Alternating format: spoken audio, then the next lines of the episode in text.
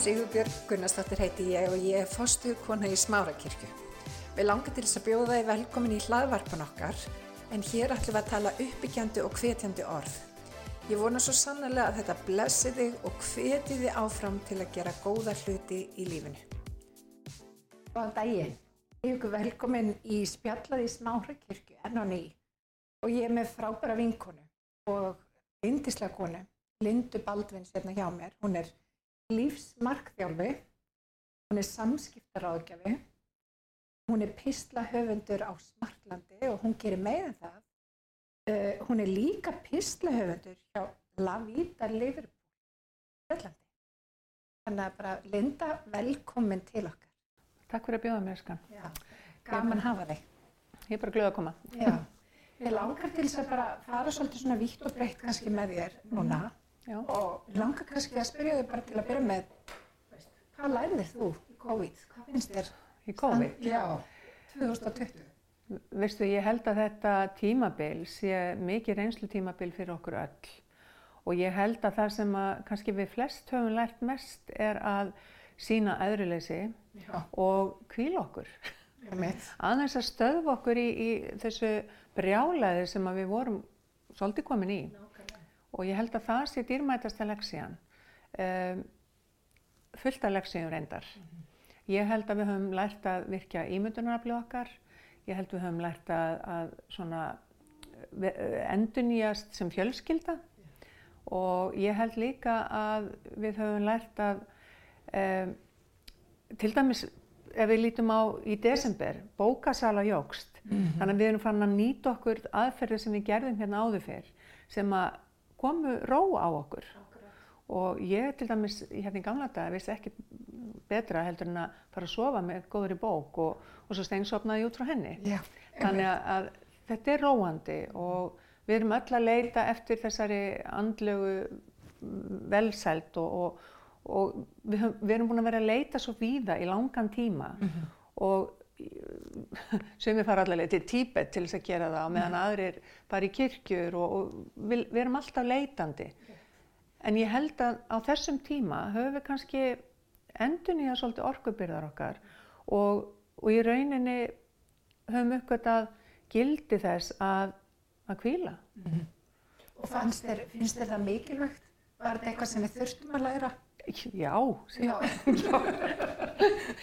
ég, sko ef við horfum bara á líf, ég var einmitt með námskeið þar sem ég let dóttir mín að lesa upp típiskan dag hjá ungri móður. Einmitt. og hún gerði það reyndar á tveimur, þreimur mínútum. En dagurinn er sko streyta frá því þú vaknar og þangað til að þú dettur niður fyrir framann sjónvarpið, búin á því, hefur engan tíma fyrir sjálfan þig og börnin okkar, þau eru nokkura mánuða komin í fulla vinnu á leikskóla og, og við veitum öll hvernig hávaðin er til dæmis þar, Þa, það er bara streytu valdandi. Uh, það vantar þetta jafnvægi í daglegt líf og, og síðan var það nú þannig að, að svo var farið með börnin í smáralindina eða kringluna um helgar eða skemmtigarðana, það þurfti alltaf að vera að gera eitthvað.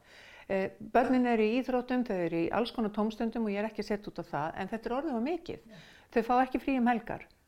Þau þurfa kvílt og, og ég held að, ég veit að það eru margir ósamála mér þarna, en, en ég verð samt að segja það að dýrmætustu stundirna til dæmis sem ég átti sem krakki, það voru þessar svona samveru stundir fjölskyldunar, þar sem kannski var ekki verið að gera svo mikið, heldur bara við sátum og hlustuðum á útvarsleikritið sem var á 15. kvöldum minni mig. Nú eða fórum í heimsók til sýstirna mömmu og hennar badna og áttum kvöldstund og það var kvöldkaf og brúnterta og eitthvað. Þetta eru stundirna sem að ég man. Akkurat. Eða þegar ömmur mínar voru að, að passa mig og, og það var dekkað upp borð og sett á borði kannski sparistellið og bakaða lummur. Þetta, var það þetta er það sem ég man. Ég man ekki eftir jólapökkunum, ég man ekki eftir þú veist hvernig föt ég átti. Ég man ekkert eftir því hvernig sko, umhors var í rauninni heima hjá mér. Uh, líklega hefur bara verið allt í lægi vegna sem mamma snirtileg og allt svoleiðis. En þetta er ekki þau atriði Akkurat. sem að eru að skipta máli upp á minningar okkar. Nei. Og þetta eru kyrðastundir sem ég man eftir. Og ég held að nú á ég barnabötn í dag og, og ég veit að þær stundir sem þau eiga með mér eru þeim dýrmætt af því að þau fá að vera bara gjörsanlega í ró, friði, að enginn að reyka eftir þeim, það er ekki neitt í gangi, annað Nei. en bara slökun. Akkurat. Bönni mín tala um að 2020 hafi verið besta ár lífsþeirra og þau lýsa svolítið því sem að þú ert búin að vera að tala um hér. Það er bara miklu meiri ró, við erum að gera miklu meira saman og það er bara svona, það er, svona, það er meiri nánd. Já, En á þessum tíma, það sem að við erum að upplega kannski meiri nánd, við erum meira með fólkinu sem að við erum, við elskum, mm fólkinu sem að stendur okkur næst, þá er líka áberandi hvað hérna, í öllum könnunum einmannaleiki virðist vera að aukast. Sko- Hvernig stendur á því? það er kannski mjög skiljanlegt, um, en ég ætla að bæta því samt við að rannsóknir sem gerði, gerðar voru, eða rannsókn sem gerð var uh, í skóla einum hér í, í, í borginni, síndu fram á það að börnin okkar í COVID og í þessu ástandi þar sem þau voru kannski einmanna svolítið heima hjá sér, að þá samt sem að þau sváfu þau betur og kvíði þeirra minkaði. Og það er vegna þess að þau er ekki með dagskrá sem er fyllt allan daginn frá mótni til kvölds. Og við verðum að fara aftur og finna gömlu göturnar. Og ég veit að, sem finnst ég hundleðilega að segja þetta, en ég verð bara að segja þetta vegna þess að ég veit hvernig ég fungera þegar að dagskráin mín er full frá mótni til kvölds. Já. Og hvað erum við að sjá í nútíma þjóðfélagi sem að, að hérna, kannski var ekki svo mikið af og allavega aldrei talað um það. Og ég held að það hafi ekki verið mjög mikið af því. Það er þessar útbrunni húsmaður Já, það er mjög mikið um það. og útbrunni, útbrunni krakkar, krakkar sem að hafa ekki tilgang, krakkar sem að um, kannski er í tilvistakreppum og, og þau eru í kvíða og þunglindi. Við verðum að skoða hvers vegna er þetta svona.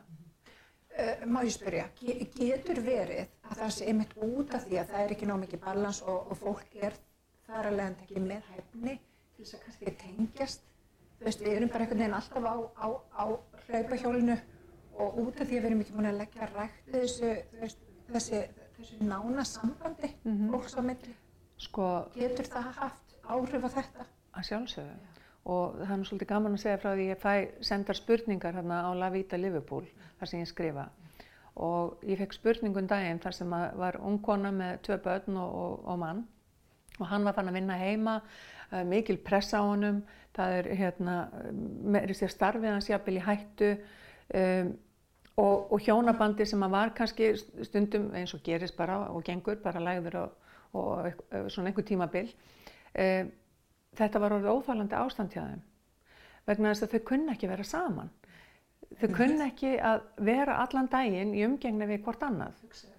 Já, og, og hjónabandið um það byrja að fara, geðvonska, pyrringur, börnin, eh, veit ekki hvernig það að vera. Og ég held að þetta sé bara til miður, kannski allt of algengt vandamál akkurat í COVID. Af því að við kunnum ekki þetta rólindis líf sem að, og ef við förum til dæmis yfir í bændastjættina hérna fyrir ekkert svo löngu síðan, þá til dæmis var alltaf verið að leggjast eftir hádegið. Indislu. Ég meina, það, það, það voru, Hljóma vel. það er nefnilega hljóma vel og það hljóma líka vel að gefa sér tíma í amstri dagsins til þess að endunja sjálfan sig og uh, suðuræna þjóðir, það, er við tölum um að þær séu latar, en þær kunna taka síðastu Já.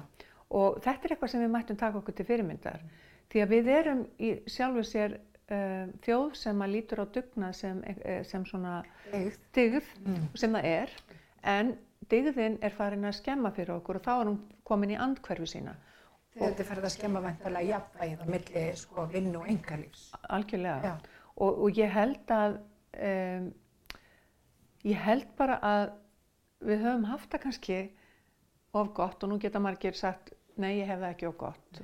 Vegna að það er líka margir í þjóðfélaginu sem bara reynlega hafa það mjög slæmt. Þannig að ég, ég er ekki að gera lítið úr því. En sem vestrænt þjóðfélag held ég að við höfum haft svona viðmið sem að eru skökk og ég held að þessi viðmið séu það að það er engin maður með mönnum nema nái svo og svo miklum árangri.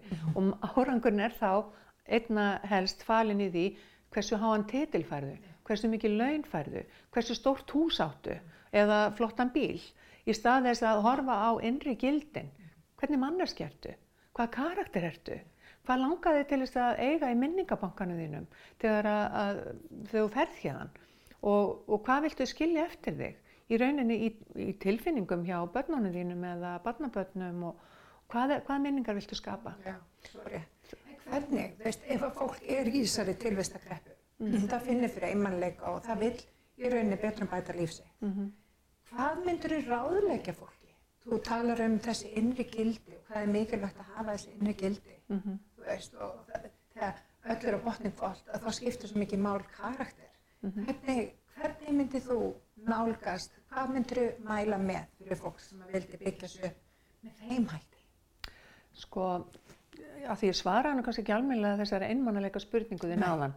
Þá langar mig að koma inn á það að einmannalegi er mjög mikill í dag vegna þess að við höfum reyðilega svolítið til fjölskylduminstrinu eins og það var hér áður fyrr og til dæmis ömmur og afar eru mikið til útivinnandi. Þau bú ekki inn á heimilum hjá börnunum sínum. Þau eru einn út í bæ.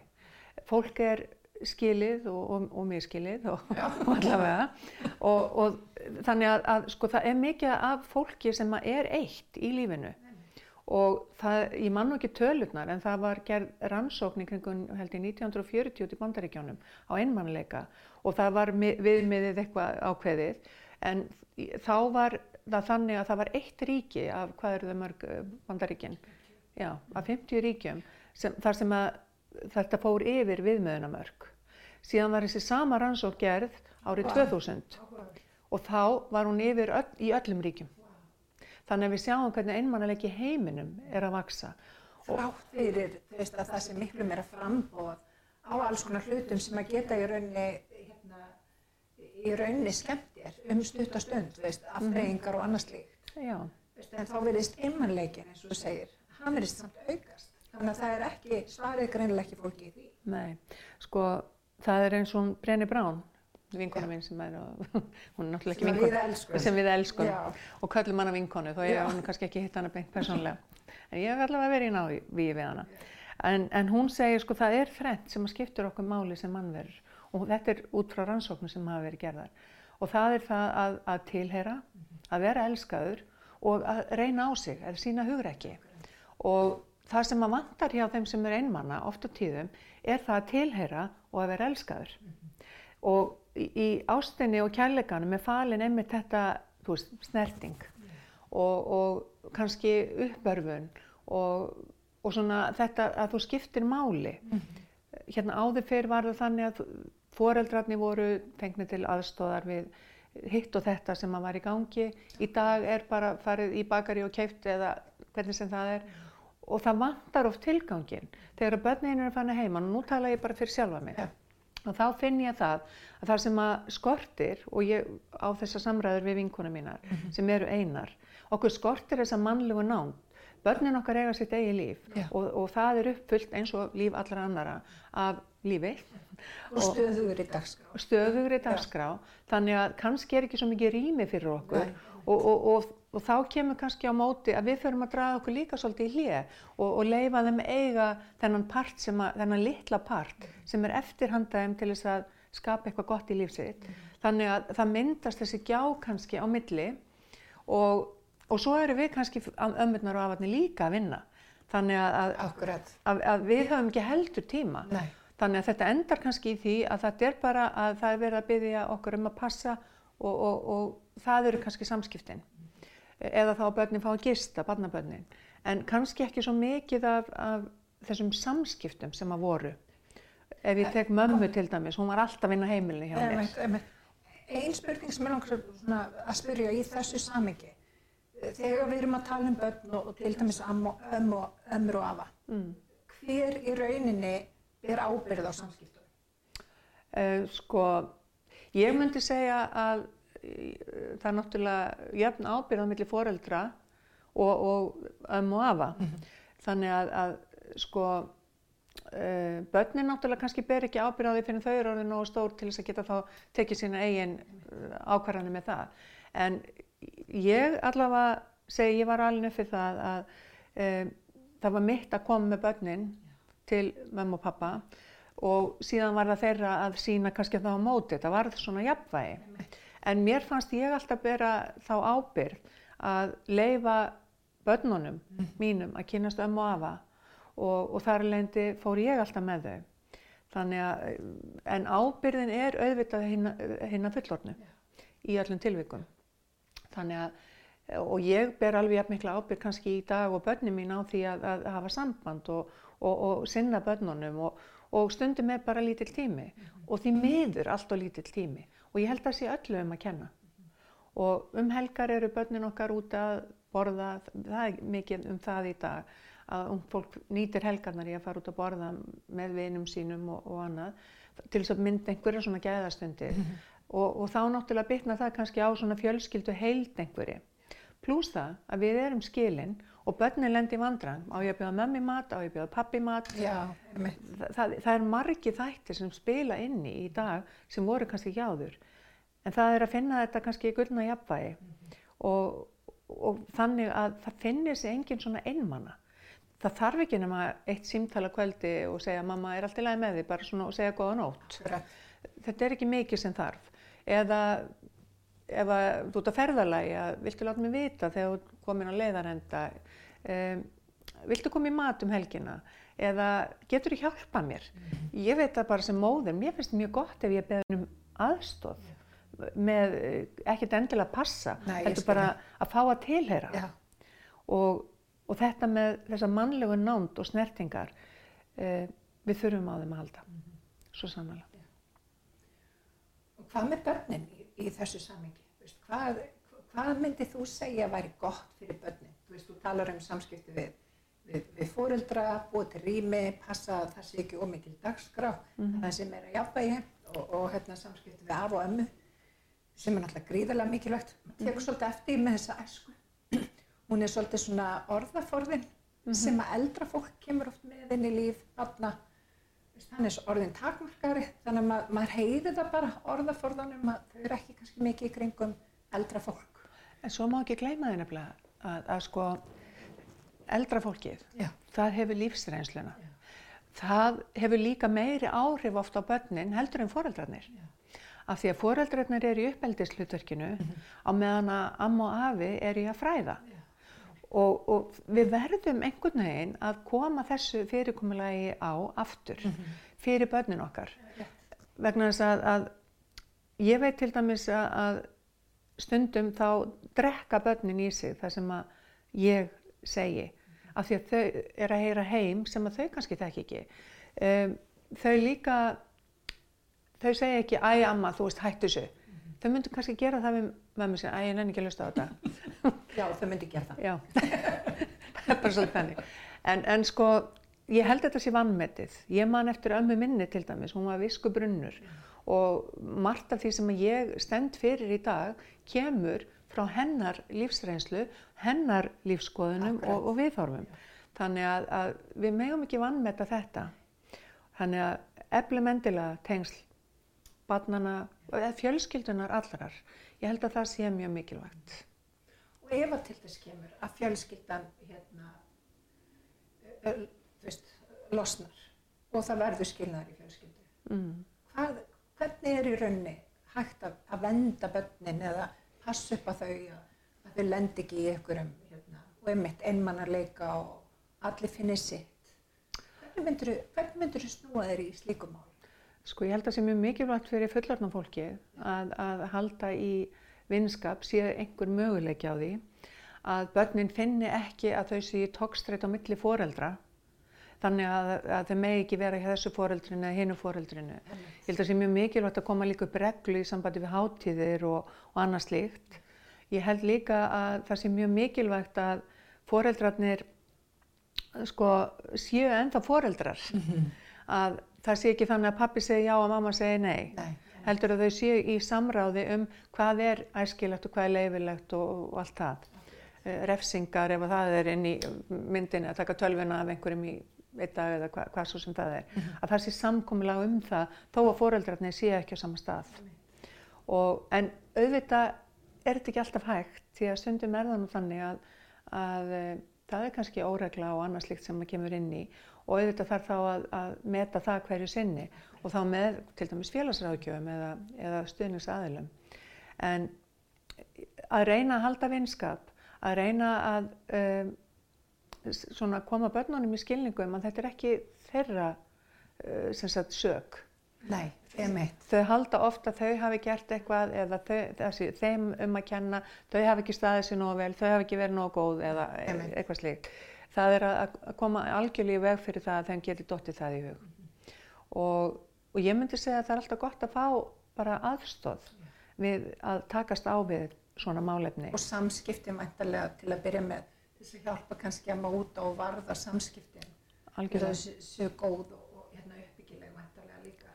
Það er æskilegast. Því miður og þá er það nú oft í skilnaðum að það er jafnvel annar eða jafnvel báðir aðilar mjög reyðir og, og svona sárir þegar að skilnaðurinn gengur í gegn. Þannig að það sem er æskilegt er ekki kannski endilega framkvæmalegt. En þá er að, að minka skadan eins og hægt er, passa sig kannski á því hvað við segjum um hinn aðilan uh, og, og, og reyna að halda svona, já, hvað ég var að segja, bara virðingu. Maður hefur oft heyrt um þetta að fóreldrar eru kannski í rauninni að gera bönni sína að einhverjum, einhverjum svona trúnamanni Mm sem er, manni finnst oft á tíðum ekki æskilegt Mhm. því að hérna, fóreldri er kannski sárt og reitt og þá er í rauninni barni einhvern veginn í miðjunni. Sko ég held að auðvitað er það ekki æskilegt. En ég held aftur á móti, alltaf þegar við erum að tala um mannlega tilfinningar, að þá er, er það þannig að við erum kannski í, í áfalli. Og þegar við erum í áfalli þá hugsaum við ekki raugrétt. Þá erum við bara svona svolítið í fight and flight svona viðbræði. Og þá, þá stjórnumst við sko ef, að, ef við erum í jafnvægi á einhverju fimmu, að þá er það þannig að þegar við lendum í áföllum í lífinu, þá fer kannski streytuskalinn okkar alveg upp í nýju, tíu. Og þegar við erum þar, þá bara bregðust við rengt við.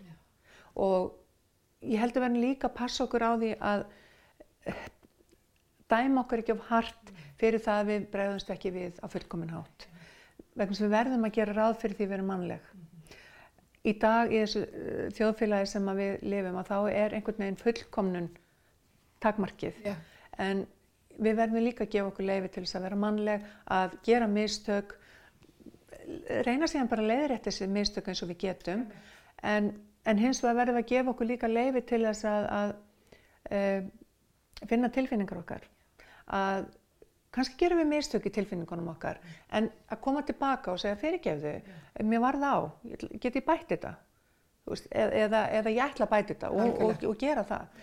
En, en ekki, að, ekki að við svona ætlumst til þess að vera þessar súper uh, konur eða menn sem að dagun í dag gerir svolítið kröfu um. Förum aðeins í að vera uh, miskunnsum, ef að segja það. Og, og ekki bara við aðra, heldur við okkur sjálf líka.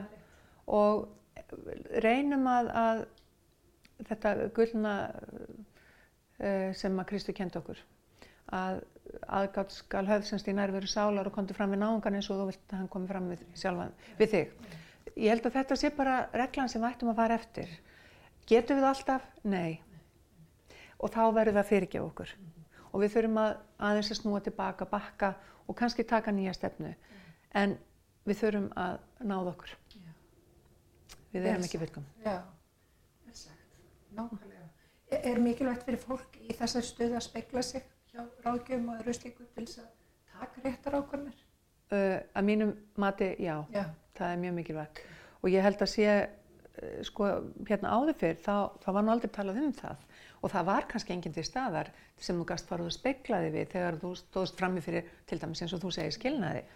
Uh, en þú ert að fara í gegnum mjög tilfinningaríkt tímabil og fólk gleymir því oft á tíðum að skilnaður er á við það að missa maka en það sem að gerist líka við skilnað er að þú missir kannski líka fjölskyldi hins aðeilans og, og lífið raskast á allan hátt þannig að þetta er, þetta er stórt og mikið áfall sem að jafnvel báðir aðeila verða fyrir skipsbrot í rauninni, Algjörlega. jafnvel þótt að þú sért í rauninni búin að taka þessa ákvörðun, jafnvel Já, þótt að þú sért maginn sem að tekur ákvörðun.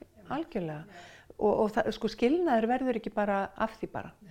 Skilnaður verður vegna þess að tveir aðilar geta ekki um, séð sér fært að ganga götuna saman áfram einhverju hluta vegna, mismunandi ástæður. Og þar að leiðandi er þetta eins og þú segir, þetta er skipsbrott og það er, það er, uh, þetta er áfall fyrir báða aðila, þetta er breytingar á lífi fyrir báða aðila og jafnvel fyrir börn líka ef þau eru í spilinu og við skildum alltaf umgangast aðila eins og þeir séu í áfalli mm -hmm. Ekki eins og það sé bara daglegt bröð og segja við, æ, þú finnur bara einhvern annan. Mm. veist, það er einhver betri þarna úti. Þú segir þetta ekki við einhvern sem missið maka sig þannig að ekki gera það heldur við þann sem stendur í skilnaði. Mm. og, og síndónum það að hann tilheyri. Því miður allt og algengt til dæmis að þessir aðilar eh, eru ekki bóðinni til dæmis í matarbóðin með hjónum eftir skilnað. Gerum ekki svo leiðist, það, það er ekki fallegt bara, það er bara þannig. Að fólk upplifa en þá það tilheri endilega, Já. vegna þess að við erum uh, hvað ég var að segja, hjartir Já. við þurfum á heldin að halda. Mm. og við megum ekki láta það glatast í heimi tölvana og, og þessara Zoom samskipta og allt það. Ekki gleyma nándin, ekki gleyma því við þurfum að tilhera mm. við þurfum nánd, við þurfum að, að sko fá væntumþykju og kærleika frá já, okkar nánustu og, og vinum og, og umhverfinu. Þannig að þess vegna eru kirkjullum skóðar til þess að mynda um, þetta nána samfélag, sérstaklega fyrir þá sem eru einmanna. Og, og þeir sem eru fráskildir í dag til dæmis eru oft mjög einmanna. Mm -hmm. Það er bara þannig, því miður. Mikið rétt að þér. Mm. Linda, svona rétt að lokum, nýjórinn 60. Já. Hvernig líður með það? Þú ert fallega konan, það sést sko, ekki á þér. Ég ætla bara að segja það, Sepa mín, mér líður alltaf eins og ég sé 35. Já. það er bara þannig. Og, og svo er bara kemur A, B, C, D, E eða eitthvað eftir því. En sko ég er þakklátt fyrir Já. það að ég, ég er á hann 60 og ég fekk 60 ár og vonandi pluss og það er ekkert allir sem fá það. það og það er meiri eftirspurn eftir aldrei heldur en frambóð. Þannig að ég er þakklátt fyrir það og ég hef góða helsu, ég hef góða vini yeah. og er bara, já. Bara spennt fyrir framhaldinu? Já, já, auðvitað finn ég fyrir einu og öðru í sambandi við kannski helsu og annars líkt en, en uh, ég er þakklátt. Yeah. Ég hef fengið uh, viðbyrðaríka æfi yeah. og, og, og þannig er ég, ég hef gaman að áskorunum og, og hef gaman að því að takast á við eitthvað nýtt.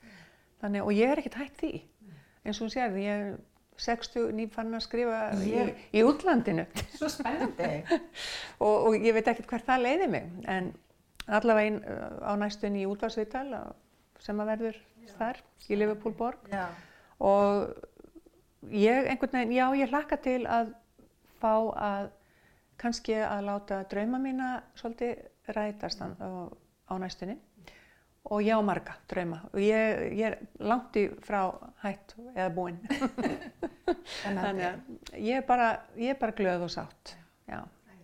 Mm. Takk fyrir komina og ég vil bara hvetja fólk sem hefur áhuga og er í rauninni í einhvers konar millibils ástandi eða vil taka einhver ákveðinu vanandi framtíðina eða vanda sig í framtíðinni. Og ég mitt á alltaf drauma sína. Það er tilvæglega að tala við Lindu hún hefur reynst mér vel, hún hefur reynst mörgum vel. Þannig að uh, hafið sambandunum, hún er á Facebook og, og hún heitir Linda Baldvinsdóttir. Linda Baldvinsdóttir. Og manngildi á Facebook. Og manngildi, rétt. Og hver veitum ég verði með einhver tilbúði gangi fyrir þá sem vilja. Frábært, takk fyrir kominlega Takk fyrir bjóðanir